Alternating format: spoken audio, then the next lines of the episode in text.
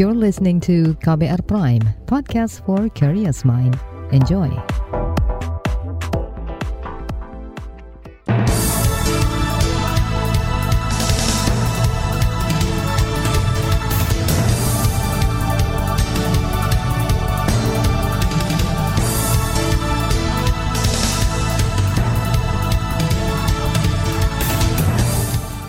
Selamat pagi saudara, senang sekali kami bisa menjumpai Anda melalui program Buletin Pagi. Edisi Kamis 10 Maret 2022 bersama saya Roni Sitanggang. Sejumlah informasi pilihan telah kami siapkan di antaranya. Pemerintah pastikan harga komoditas kembali stabil sebelum Ramadan. Jokowi sebut Komisi Yudisial berperan penting dalam reformasi peradilan. Berstatus PPKM level 4, Yogyakarta terapkan pembelajaran jarak jauh 100 persen. Inilah buletin pagi selengkapnya. Terbaru di buletin pagi.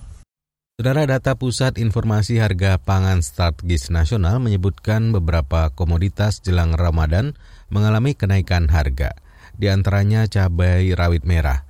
Harga per kilogram mencapai Rp70.000 dari semula sekitar Rp40.000. Selain cabai, komoditas lain seperti bawang merah, bawang putih, dan gula pasir meningkat rata-rata sebesar Rp2.000 per kilogram. Komoditas lain yang juga mengalami kenaikan dan langka yakni minyak goreng dan daging sapi yang saat ini mencapai lebih Rp130.000 per kilogram. Beberapa kenaikan komoditas ini dipengaruhi faktor cuaca dan rantai distribusi. Menurut Direktur Jenderal Perdagangan Dalam Negeri Kementerian Perdagangan Oke Nurwan, Kenaikan beberapa komunitas itu hanya sementara. Saat ini kementeriannya tengah mengupayakan penyelesaian masalah rantai pasok. Nah, dari informasi dari uh, Asosiasi Cabai Indonesia, kenaikan harga cabai disinyalir tertundanya masa pemetikan. Masa pemetikan ini akibat faktor cuaca yang uh, cuaca hujan di sentra produksi. Jadi secara umum masih aman, hanya beberapa komoditi memang harus kita perhatikan menjelang puasa dan lebaran. Jelang puasa dan lebaran ini terutama ketersediaan daging Selain rantai distribusi, Oke juga mengatakan Kementerian Perdagangan telah berkoordinasi dengan Kementerian Pertanian untuk menyelesaikan masalah stok dari petani. Penyebabnya cabai dan bawang masih banyak diproduksi petani lokal.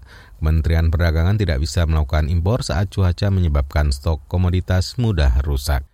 Sementara itu saat bertemu Wakil Presiden Ma'ruf Amin untuk membahas harga pangan pada Senin kemarin, Menteri Pertanian ya- Sahrul Yasin Limpo memastikan stok komoditas pangan aman, bahkan beberapa stok cukup melimpah. Dia meminta masyarakat tidak usah khawatir dengan harga yang saat ini masih fluktuatif. Hari ini kami disidak oleh Bapak Wapres dalam rangka mempersiapkan bulan Ramadan dan Idul dan seperti penjelasan Wapres seperti data dan faktualisasi data, validasi data sudah kita lakukan untuk mempersiapkan bahwa Ramadan insya Allah ketersediaan akan cukup dan mudah-mudahan stabilisasi harga juga karena ketersediaan bisa didekatkan pada pasar bisa kita capai dan terima kasih atas Wapres melakukan check on the spot seperti ini. Saya kira kami akan terus semangat itu tadi Menteri Pertanian Syahrul Yasin Limpo. Terganggunya rantai distribusi juga disinyalir lantaran adanya spekulan yang menimbun beberapa komoditas seperti minyak goreng. Ketua Satgas Pangan Polri Helmi Santika mengatakan kepolisian tengah menyelidiki beberapa produsen besar di sejumlah daerah yang diduga menimbun minyak goreng. Saat ini, kata Helmi, kepolisian masih melakukan pendalaman barang bukti dan keterangan saksi untuk mengetahui ada atau tidaknya pelanggaran dan sanksi apa yang bisa dijatuhkan. Sebelumnya menanggapi harga komoditas yang terus merangkap naik, Perum Bulog menyarankan Badan Pangan Nasional BPN untuk mengamankan stok komoditas dengan skema baru. Direktur Rantai Pasok Perum Bulog Muhammad Suyamto mengatakan upaya tersebut dapat menjaga stabilitas harga setiap mendekati hari-hari besar keagamaan. Kami eh, kemarin sudah komunikasi dengan Bapak Kepala Badan Pangan Nasional eh, bahwa memang untuk komoditi-komoditi lain eh, seperti kedelai, seperti jagung, seperti gula, pemerintah memang harus punya cadangan. Pertama, untuk menenteramkan untuk psikologis bahwa pemerintah punya stok. Yang kedua, memang apabila setiap saat dibutuhkan, itu bisa kita segera keluarkan. Selain bahan pokok tahan lama, Suyamto juga menyarankan agar Bulog yang berperan sebagai regulator BPN dilibatkan dalam pengaturan stok komoditas mudah rusak seperti cabai dan bawang. Kata dia ada skema bisnis trading yang bisa dipilih untuk memastikan stok komoditas mudah rusak itu selalu tersedia. Selain mengamankan stok bahan pangan, pemerintah juga diminta untuk mengintervensi langsung semua harga komoditas. Pengamat pertanian dari Asosiasi Ekonomi Politik Indonesia Kudori mengatakan selama ini pengendalian harga diserahkan pada pasar. Hal ini membuat pemerintah tidak dapat mengintervensi secara langsung jika ada fluktuasi pada komoditas kebijakan pemerintah tata niaga pangan itu kan hampir seluruhnya diserahkan kepada pasar. Hanya ada sebagian kecil komoditas itu yang diatur. Ketika diserahkan kepada mekanisme pasar, pada saat yang sama pemerintah tidak punya instrumen ya untuk intervensi harga maupun dagangan, yang terjadi adalah distribusi, jalur distribusi pasar, termasuk pasar impor, itu ya dikuasai oleh, ya saya nggak menyebut kartel lah. Ya memang mereka-mereka penguasa pasar itu, itu sudah bertahun-tahun. Selain itu, pengamat ekonomi pertanian Hudori juga mengkritik cara pemerintah yang hanya reaktif saat harga-harga mulai melonjak. Salah satunya saat minyak goreng langka dan mahal. Pemerintah baru bertindak sebulan setelah masyarakat ramai mempertanyakan kenaikan tersebut. Untuk itu ia menegaskan momentum ini harus digunakan pemerintah untuk mengintervensi semua komoditas agar kejadian serupa tidak terus berulang. Saudara Presiden Joko Widodo meminta para hakim menjalankan tugasnya secara maksimal sesuai fungsi penegakan hukum. Informasi lengkapnya usai jeda tetaplah di Buletin Pagi KBR. You're listening to KBR Pride, podcast for curious mind. Enjoy!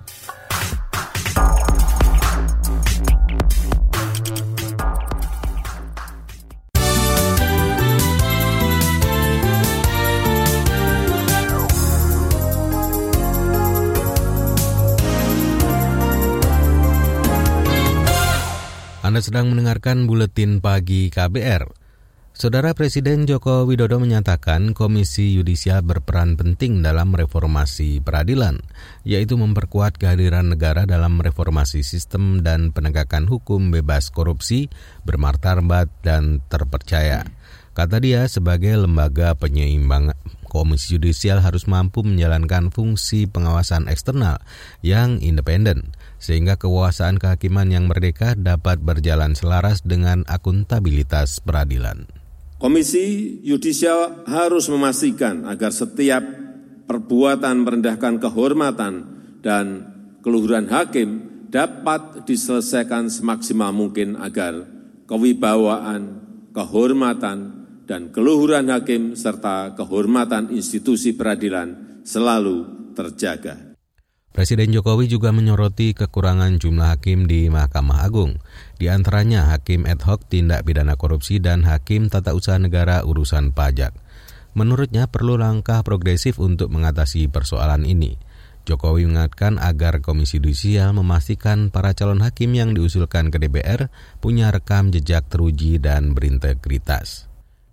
Beralih ke informasi pemilu, Muhammadiyah menolak usulan penundaan pemilu 2024 dan wacana perpanjangan masa jabatan presiden.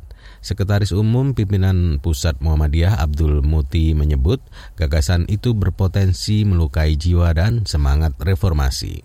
Saya dalam berbagai kesempatan tidak bersetuju dengan gagasan penundaan apa, pemilu itu sah-sah saja orang bicara apa saja ini negara demokrasi tetapi kalau sampai itu terjadi menurut saya itu melukai semangat reformasi dan itu juga tidak sesuai dengan jiwa dan semangat Undang-Undang Dasar 45 yang dengan amandemennya itu eh, menuliskan masa jabatan presiden adalah dua periode itu. Itu tadi Sekretaris Umum Pimpinan Pusat Muhammadiyah Abdul Muti. Sebelumnya, usulan penundaan pemilu disampaikan Ketua Umum PKB Muhaimin Iskandar. Usulan itu kemudian didukung oleh Partai Golkar dan Partai Amanat Nasional. Sementara lima parpol lain yang memiliki kursi di MPR DPR yaitu PDIP, Nasdem, Demokrat, PKS, P3, dan Gerindra menyatakan penolakan atas usulan tersebut. Saudara Badan Pengawas Pemilu Bawaslu tetap melanjutkan persiapan semua tahapan pemilu 2024 bersama Komisi Pemilihan Umum. Anggota Bawaslu Rahmat Baja menegaskan tidak ada pembahasan wacana penundaan pemilu dari para penyelenggara pesta demokrasi lima tahunan itu apa pun perdebatan nanti misalnya tadi Mbak tadi perubahan undang-undang dasar dan lain-lain itu beyond of penyelenggara pemilu menurut saya. Jadi uh, sebagai penyelenggara kita mengamati, memahami, akan tetapi dalam perspektif pelaksanaan tugas dan fungsi hal tersebut tidak menjadi suatu kekhawatiran yang berlebihan karena 14 Februari sudah ditetapkan oleh KPU. Uh, beban kami sebagai penyelenggara memang akan dibatasi oleh itu. Jika ada pertanyaan apakah penyelenggara ikutan dalam ini tidak. Rahmat Baja menyatakan bahwa Bawaslu patuh terhadap keputusan KPU, DPR, dan pemerintah terkait penyelenggaraan pemilu yang digelar pada 14 Februari 2024. Kata dia, tahapan pemilu itu akan tetap dimulai pada Juni atau Juli. Sejumlah persiapan yang akan dilakukan di antaranya pelantikan anggota KPU dan Bawaslu periode 2002-2027 yang dilaksanakan pada 11 April mendatang. Kita beralih ke informasi ekonomi. Lembaga Negara Pengawas Pelayanan Publik Ombudsman mengklaim menyelamatkan potensi kerugian masyarakat akibat maladministrasi di sektor perekonomian mencapai puluhan miliar pada tahun lalu. Anggota Ombudsman YK Hendra Fatika mengatakan jumlah itu dihitung berdasarkan kerugian material pada pengaduan masyarakat kepada Ombudsman di sektor perekonomian. Total kerugian masyarakat yang telah diselamatkan di sektor ekonomi satu sepanjang 2021 sejumlah 26,8 miliar rupiah. Dan jika kasus 2021 tadi masih ada sekitar 33 kasus lagi selesai, maka ada potensi penyelamatan kerugian masyarakat di tahun 2022 sebesar 91,7 miliar rupiah. Anggota Ombudsman YK Hendra menambahkan sepanjang tahun lalu sebanyak 60 laporan masuk terkait sektor ekonomi dan telah diselesaikan. Laporan tertinggi terkait perbankan yakni 24 laporan, disusul kategori asuransi 11 laporan dan pengadaan sejumlah 8 laporan. Saudara PT Pertamina memastikan harga bahan bakar minyak BBM jenis Pertalite tidak naik meski minyak mentah dunia terus melonjak akibat konflik Rusia-Ukraina. Hal ini dilakukan untuk menjaga daya beli masyarakat yang saat ini banyak menggunakan Pertalite. Direktur Jenderal Anggaran Kementerian Keuangan Isa Rahmatarwata menjelaskan eskalasi akibat konflik Rusia-Ukraina itu mempengaruhi kenaikan harga yang tinggi atas komoditas energi, baik itu minyak mentah, batu bara hingga gas. Secara keseluruhan, kata Isa, kenaikan harga komoditas energi berdampak positif terhadap pendapatan negara, terutama PNBP, penerimaan negara bukan pajak. Namun demikian kenaikan harga komoditas juga berdampak terhadap belanja negara. Untuk itu pemerintah akan terus memantau pergerakan harga minyak dunia dan mengukur dampaknya terhadap anggaran negara. Selanjutnya beralih ke informasi pandemi. PT Kereta Api Indonesia mulai memperlakukan aturan tidak lagi mewajibkan pengguna kereta jarak jauh menyertakan hasil tes COVID-19. Kepala Humas PT KAI Daop 1 Jakarta Eva Kairunisa mengatakan aturan ini mengacu pada surat edaran Kementerian Perhubungan tentang petunjuk pelaksanaan perjalanan orang dalam negeri dengan transportasi perkereta apian pada masa pandemi. Dari Daop 1 Jakarta sendiri, baik pengguna jasa yang berangkat di stasiun Gambir dan juga stasiun Pasar Senen serta beberapa area stasiun lainnya, uh, ini juga sudah diberlakukan mulai tanggal 9 Maret uh, eh, 2022 hari ini. Jadi bagi pengguna jasa yang sudah uh, divaksin sampai dengan dosis kedua, ini tidak perlu lagi, tidak diwajibkan lagi untuk menyertakan bukti pemeriksaan antigen atau uh, PCR. Juru bicara PT Kereta Api Daop 1 Jakarta Eva Kairunisa menjelaskan aturan tak wajib tes COVID hanya berlaku bagi pengguna jasa kereta api yang sudah menerima vaksin lengkap atau dua dosis. Sementara tes COVID masih berlaku pada penumpang yang belum menerima vaksinasi lengkap. Kita beralih ke berita mancanegara. Rusia menyatakan pasukan Moskow tak akan berupaya menggulingkan Presiden Ukraina Volodymyr Zelensky. Pernyataan ini disampaikan Kementerian Luar Negeri Rusia Maria Zakirva kemarin saat menggelar negosiasi dengan delegasi dari Kiev. Dilansir dari AFP, Maria menegaskan bahwa militer Rusia tidak ditugaskan untuk menggulingkan kepemimpinan Ukraina. Sebelumnya beredar rumor Rusia akan menggulingkan pemerintahan Zelensky. Beberapa pihak juga menyatakan serangan negara beruang merah tak akan berhenti jika tujuan belum tercapai. Beralih ke informasi olahraga. Real Madrid memastikan diri lolos ke perempat final Liga Champions usai menaklukkan Paris Saint-Germain dini hari tadi. Real Madrid menang 3-1 di leg kedua babak 16 besar lewat agregat 3-2 atas Lionel Messi dan kawan-kawan. Pada pertandingan ini PSG sempat memimpin terlebih dahulu lewat gol Kylian Mbappe di menit 39. Namun Madrid bangkit di babak kedua dan Karim Benzema mencetak hat-trick untuk mengantarkan Madrid lolos ke babak selanjutnya. Saudara di bagian berikutnya kami hadirkan laporan khas KBR bertajuk Keadilan HAM bagi penghuni kerangkeng Bupati Langkat. Nantikan sesaat lagi. You're listening to KBR Pride, podcast for curious mind. Enjoy!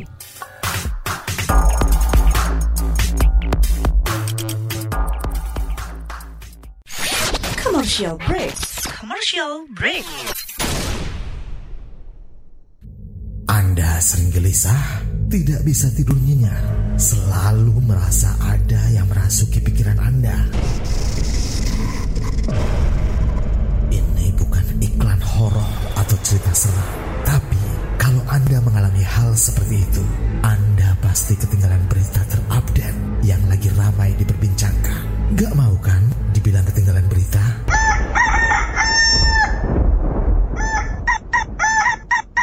Makanya dengerin KBR Pagi, siaran pagi radio paling update menghadirkan narasumber yang terpercaya dan kredibel. Banyak lagu-lagu dari zaman old sampai zaman now. Setiap hari Senin sampai dengan Jumat mulai pukul 7 sampai 8 waktu Indonesia Barat. Bisa didengerin dari Aceh hingga Papua. Cukup satu jam saja untuk membuat kamu tetap update.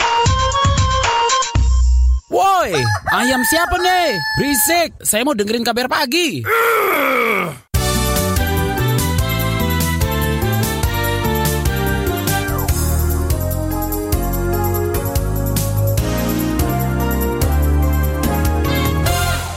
Terima kasih Anda masih bersama saya Roni Sitanggang di Buletin Pagi KBR.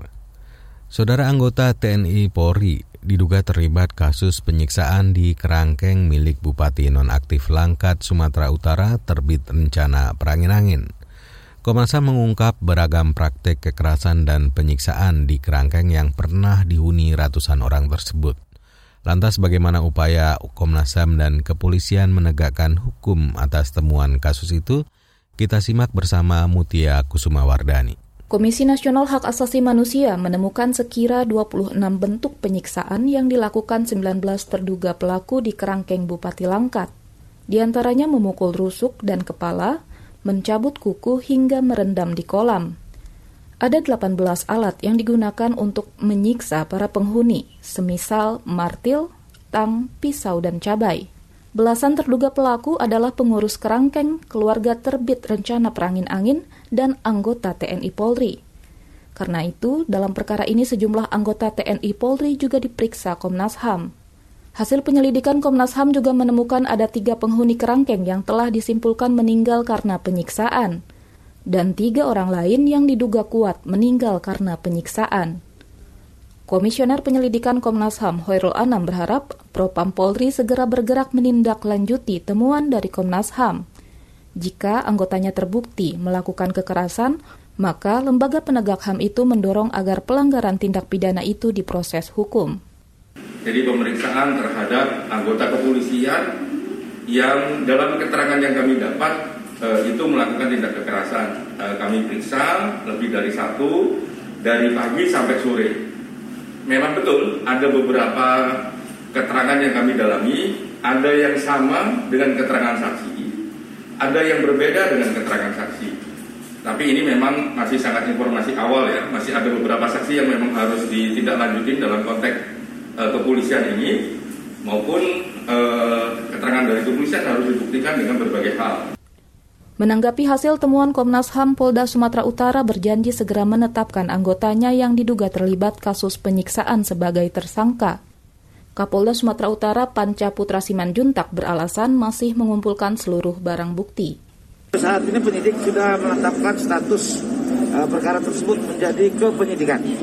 Penyidikan itu bagian dari langkah-langkah yang harus dilakukan untuk mencari dan menetapkan semua bukti-bukti dan nanti pada saatnya setelah ini akan penetapan tersangka. Insya Allah dalam waktu dekat ini teman-teman akan menentukan siapa penyidik akan menentukan siapa uh, pelaku yang bisa dipersangkakan terkait dengan tindak pidana. Sekali lagi utuh melihatnya, utuh dari semua aspek, dari prosesnya, bagaimana dan siapa yang bertanggung jawab. Dalam proses penyidikan oleh pihak kepolisian, dua makam penghuni kerangkeng yang diduga tewas karena penyiksaan dibongkar aparat. Penggalian makam itu bertujuan untuk autopsi jenazah dalam proses pengumpulan bukti perkara. Temuan soal dugaan keterlibatan anggota TNI Polri dalam tindak kekerasan di kerangkeng milik Bupati Langkat direspons LSM Komisi untuk Orang Hilang dan Korban Tindak Kekerasan Kontras. Kepala Divisi Hukum Kontras, Andi Muhammad Rezaldi, mendorong aparat penegak hukum yang terlibat kasus ini bisa diadili dengan mekanisme peradilan pidana, bukan mekanisme internal. Bagi kami, sanksi yang ideal terhadap sejumlah aparat keamanan yang melakukan tindakan kekerasan dan juga penyiksaan itu harus melalui mekanisme peradilan pidana. Karena tindakan kekerasan dan juga penyiksaan itu merupakan pelanggaran hak asasi manusia yang sangat serius yang harus diproses secara hukum. Nah, memang berdasarkan catatan kontras sering kali tindakan kekerasan dan atau penyiksaan yang dilakukan oleh aparat keamanan itu sering berujung pada mekanisme internal, misalnya melalui mekanisme etik maupun mekanisme disiplin. Kepala Divisi Hukum Kontras Andi Muhammad Rezaldi juga mendorong penegak hukum memberikan sanksi tegas kepada pelaku lapangan hingga aktor intelektualis anggota TNI Polri yang diduga terlibat kasus ini.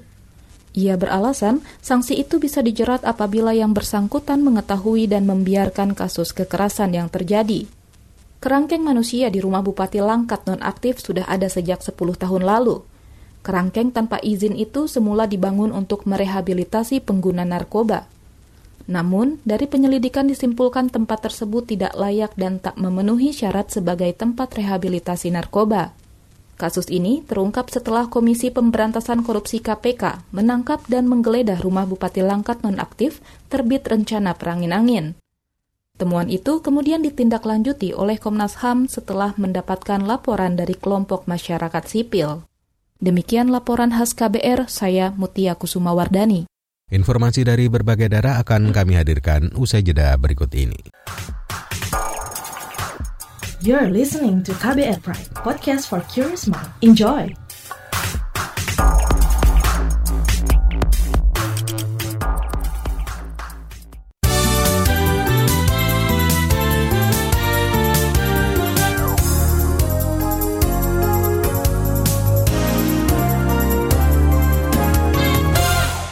Inilah bagian akhir buletin pagi KBR. Saudara kegiatan belajar mengajar di Yogyakarta dilaksanakan secara daring 100%. Sekretaris Daerah DIY Kadarmanta Baskara Aji meminta aturan pelajar jarak jauh itu segera diterapkan satu minggu mendatang. Saya dapat informasi dari Ibu Pak Kepala Dinas Dikpora, saya nggak cermati, itu untuk level 4 menurut SKB 4 Menteri itu PJJ penuh. Ya segera karena sekarang level 4. Baskara Aji menambahkan untuk sementara sekolah tatap muka hanya diberlakukan jika ada kebutuhan mendesak dan dianggap penting seperti praktik. Kata dia akan ada sanksi bagi sekolah yang melanggar aturan tersebut. Kita beralih ke Aceh Utara. Kepolisian daerah Aceh mengagalkan penyelundupan ratusan kilogram sabu dan ribuan pil ekstasi di perairan Langkahan, Kabupaten Aceh Utara. Kapolda Aceh Ahmad Hadiar menjelaskan seluruh barang haram tersebut disita dari dua tempat yang berbeda. Kata dia, kedua tersangka berinisial MY dan MR akan dijerat Undang-Undang Narkotika dengan ancaman terberat hukuman pidana mati. Beralih ke Papua, Panglima Komando Gabungan Wilayah Pertahanan 3 Nyoman Cantiasa meminta pasukan di Papua membantu masyarakat. Dalam arahan yang ia sampaikan kemarin, Nyoman mengatakan pasukannya bisa membantu membuatkan kincir pembangkit listrik atau saluran air bagi masyarakat. Ia mengingatkan sebelum melakukan hal tersebut, para anggota harus sudah membaca situasi keamanan dan memetakan jalur evakuasi bagi warga. Saudara informasi tadi menutup jumpa kita di Buletin Pagi hari ini. Pantau juga informasi terbaru melalui kabar baru, situs kbr.id, Twitter kami di akun @beritaKBR serta podcast di alamat kbrprime.id. Akhirnya saya Roni Stanggang bersama tim yang bertugas undur diri. Salam.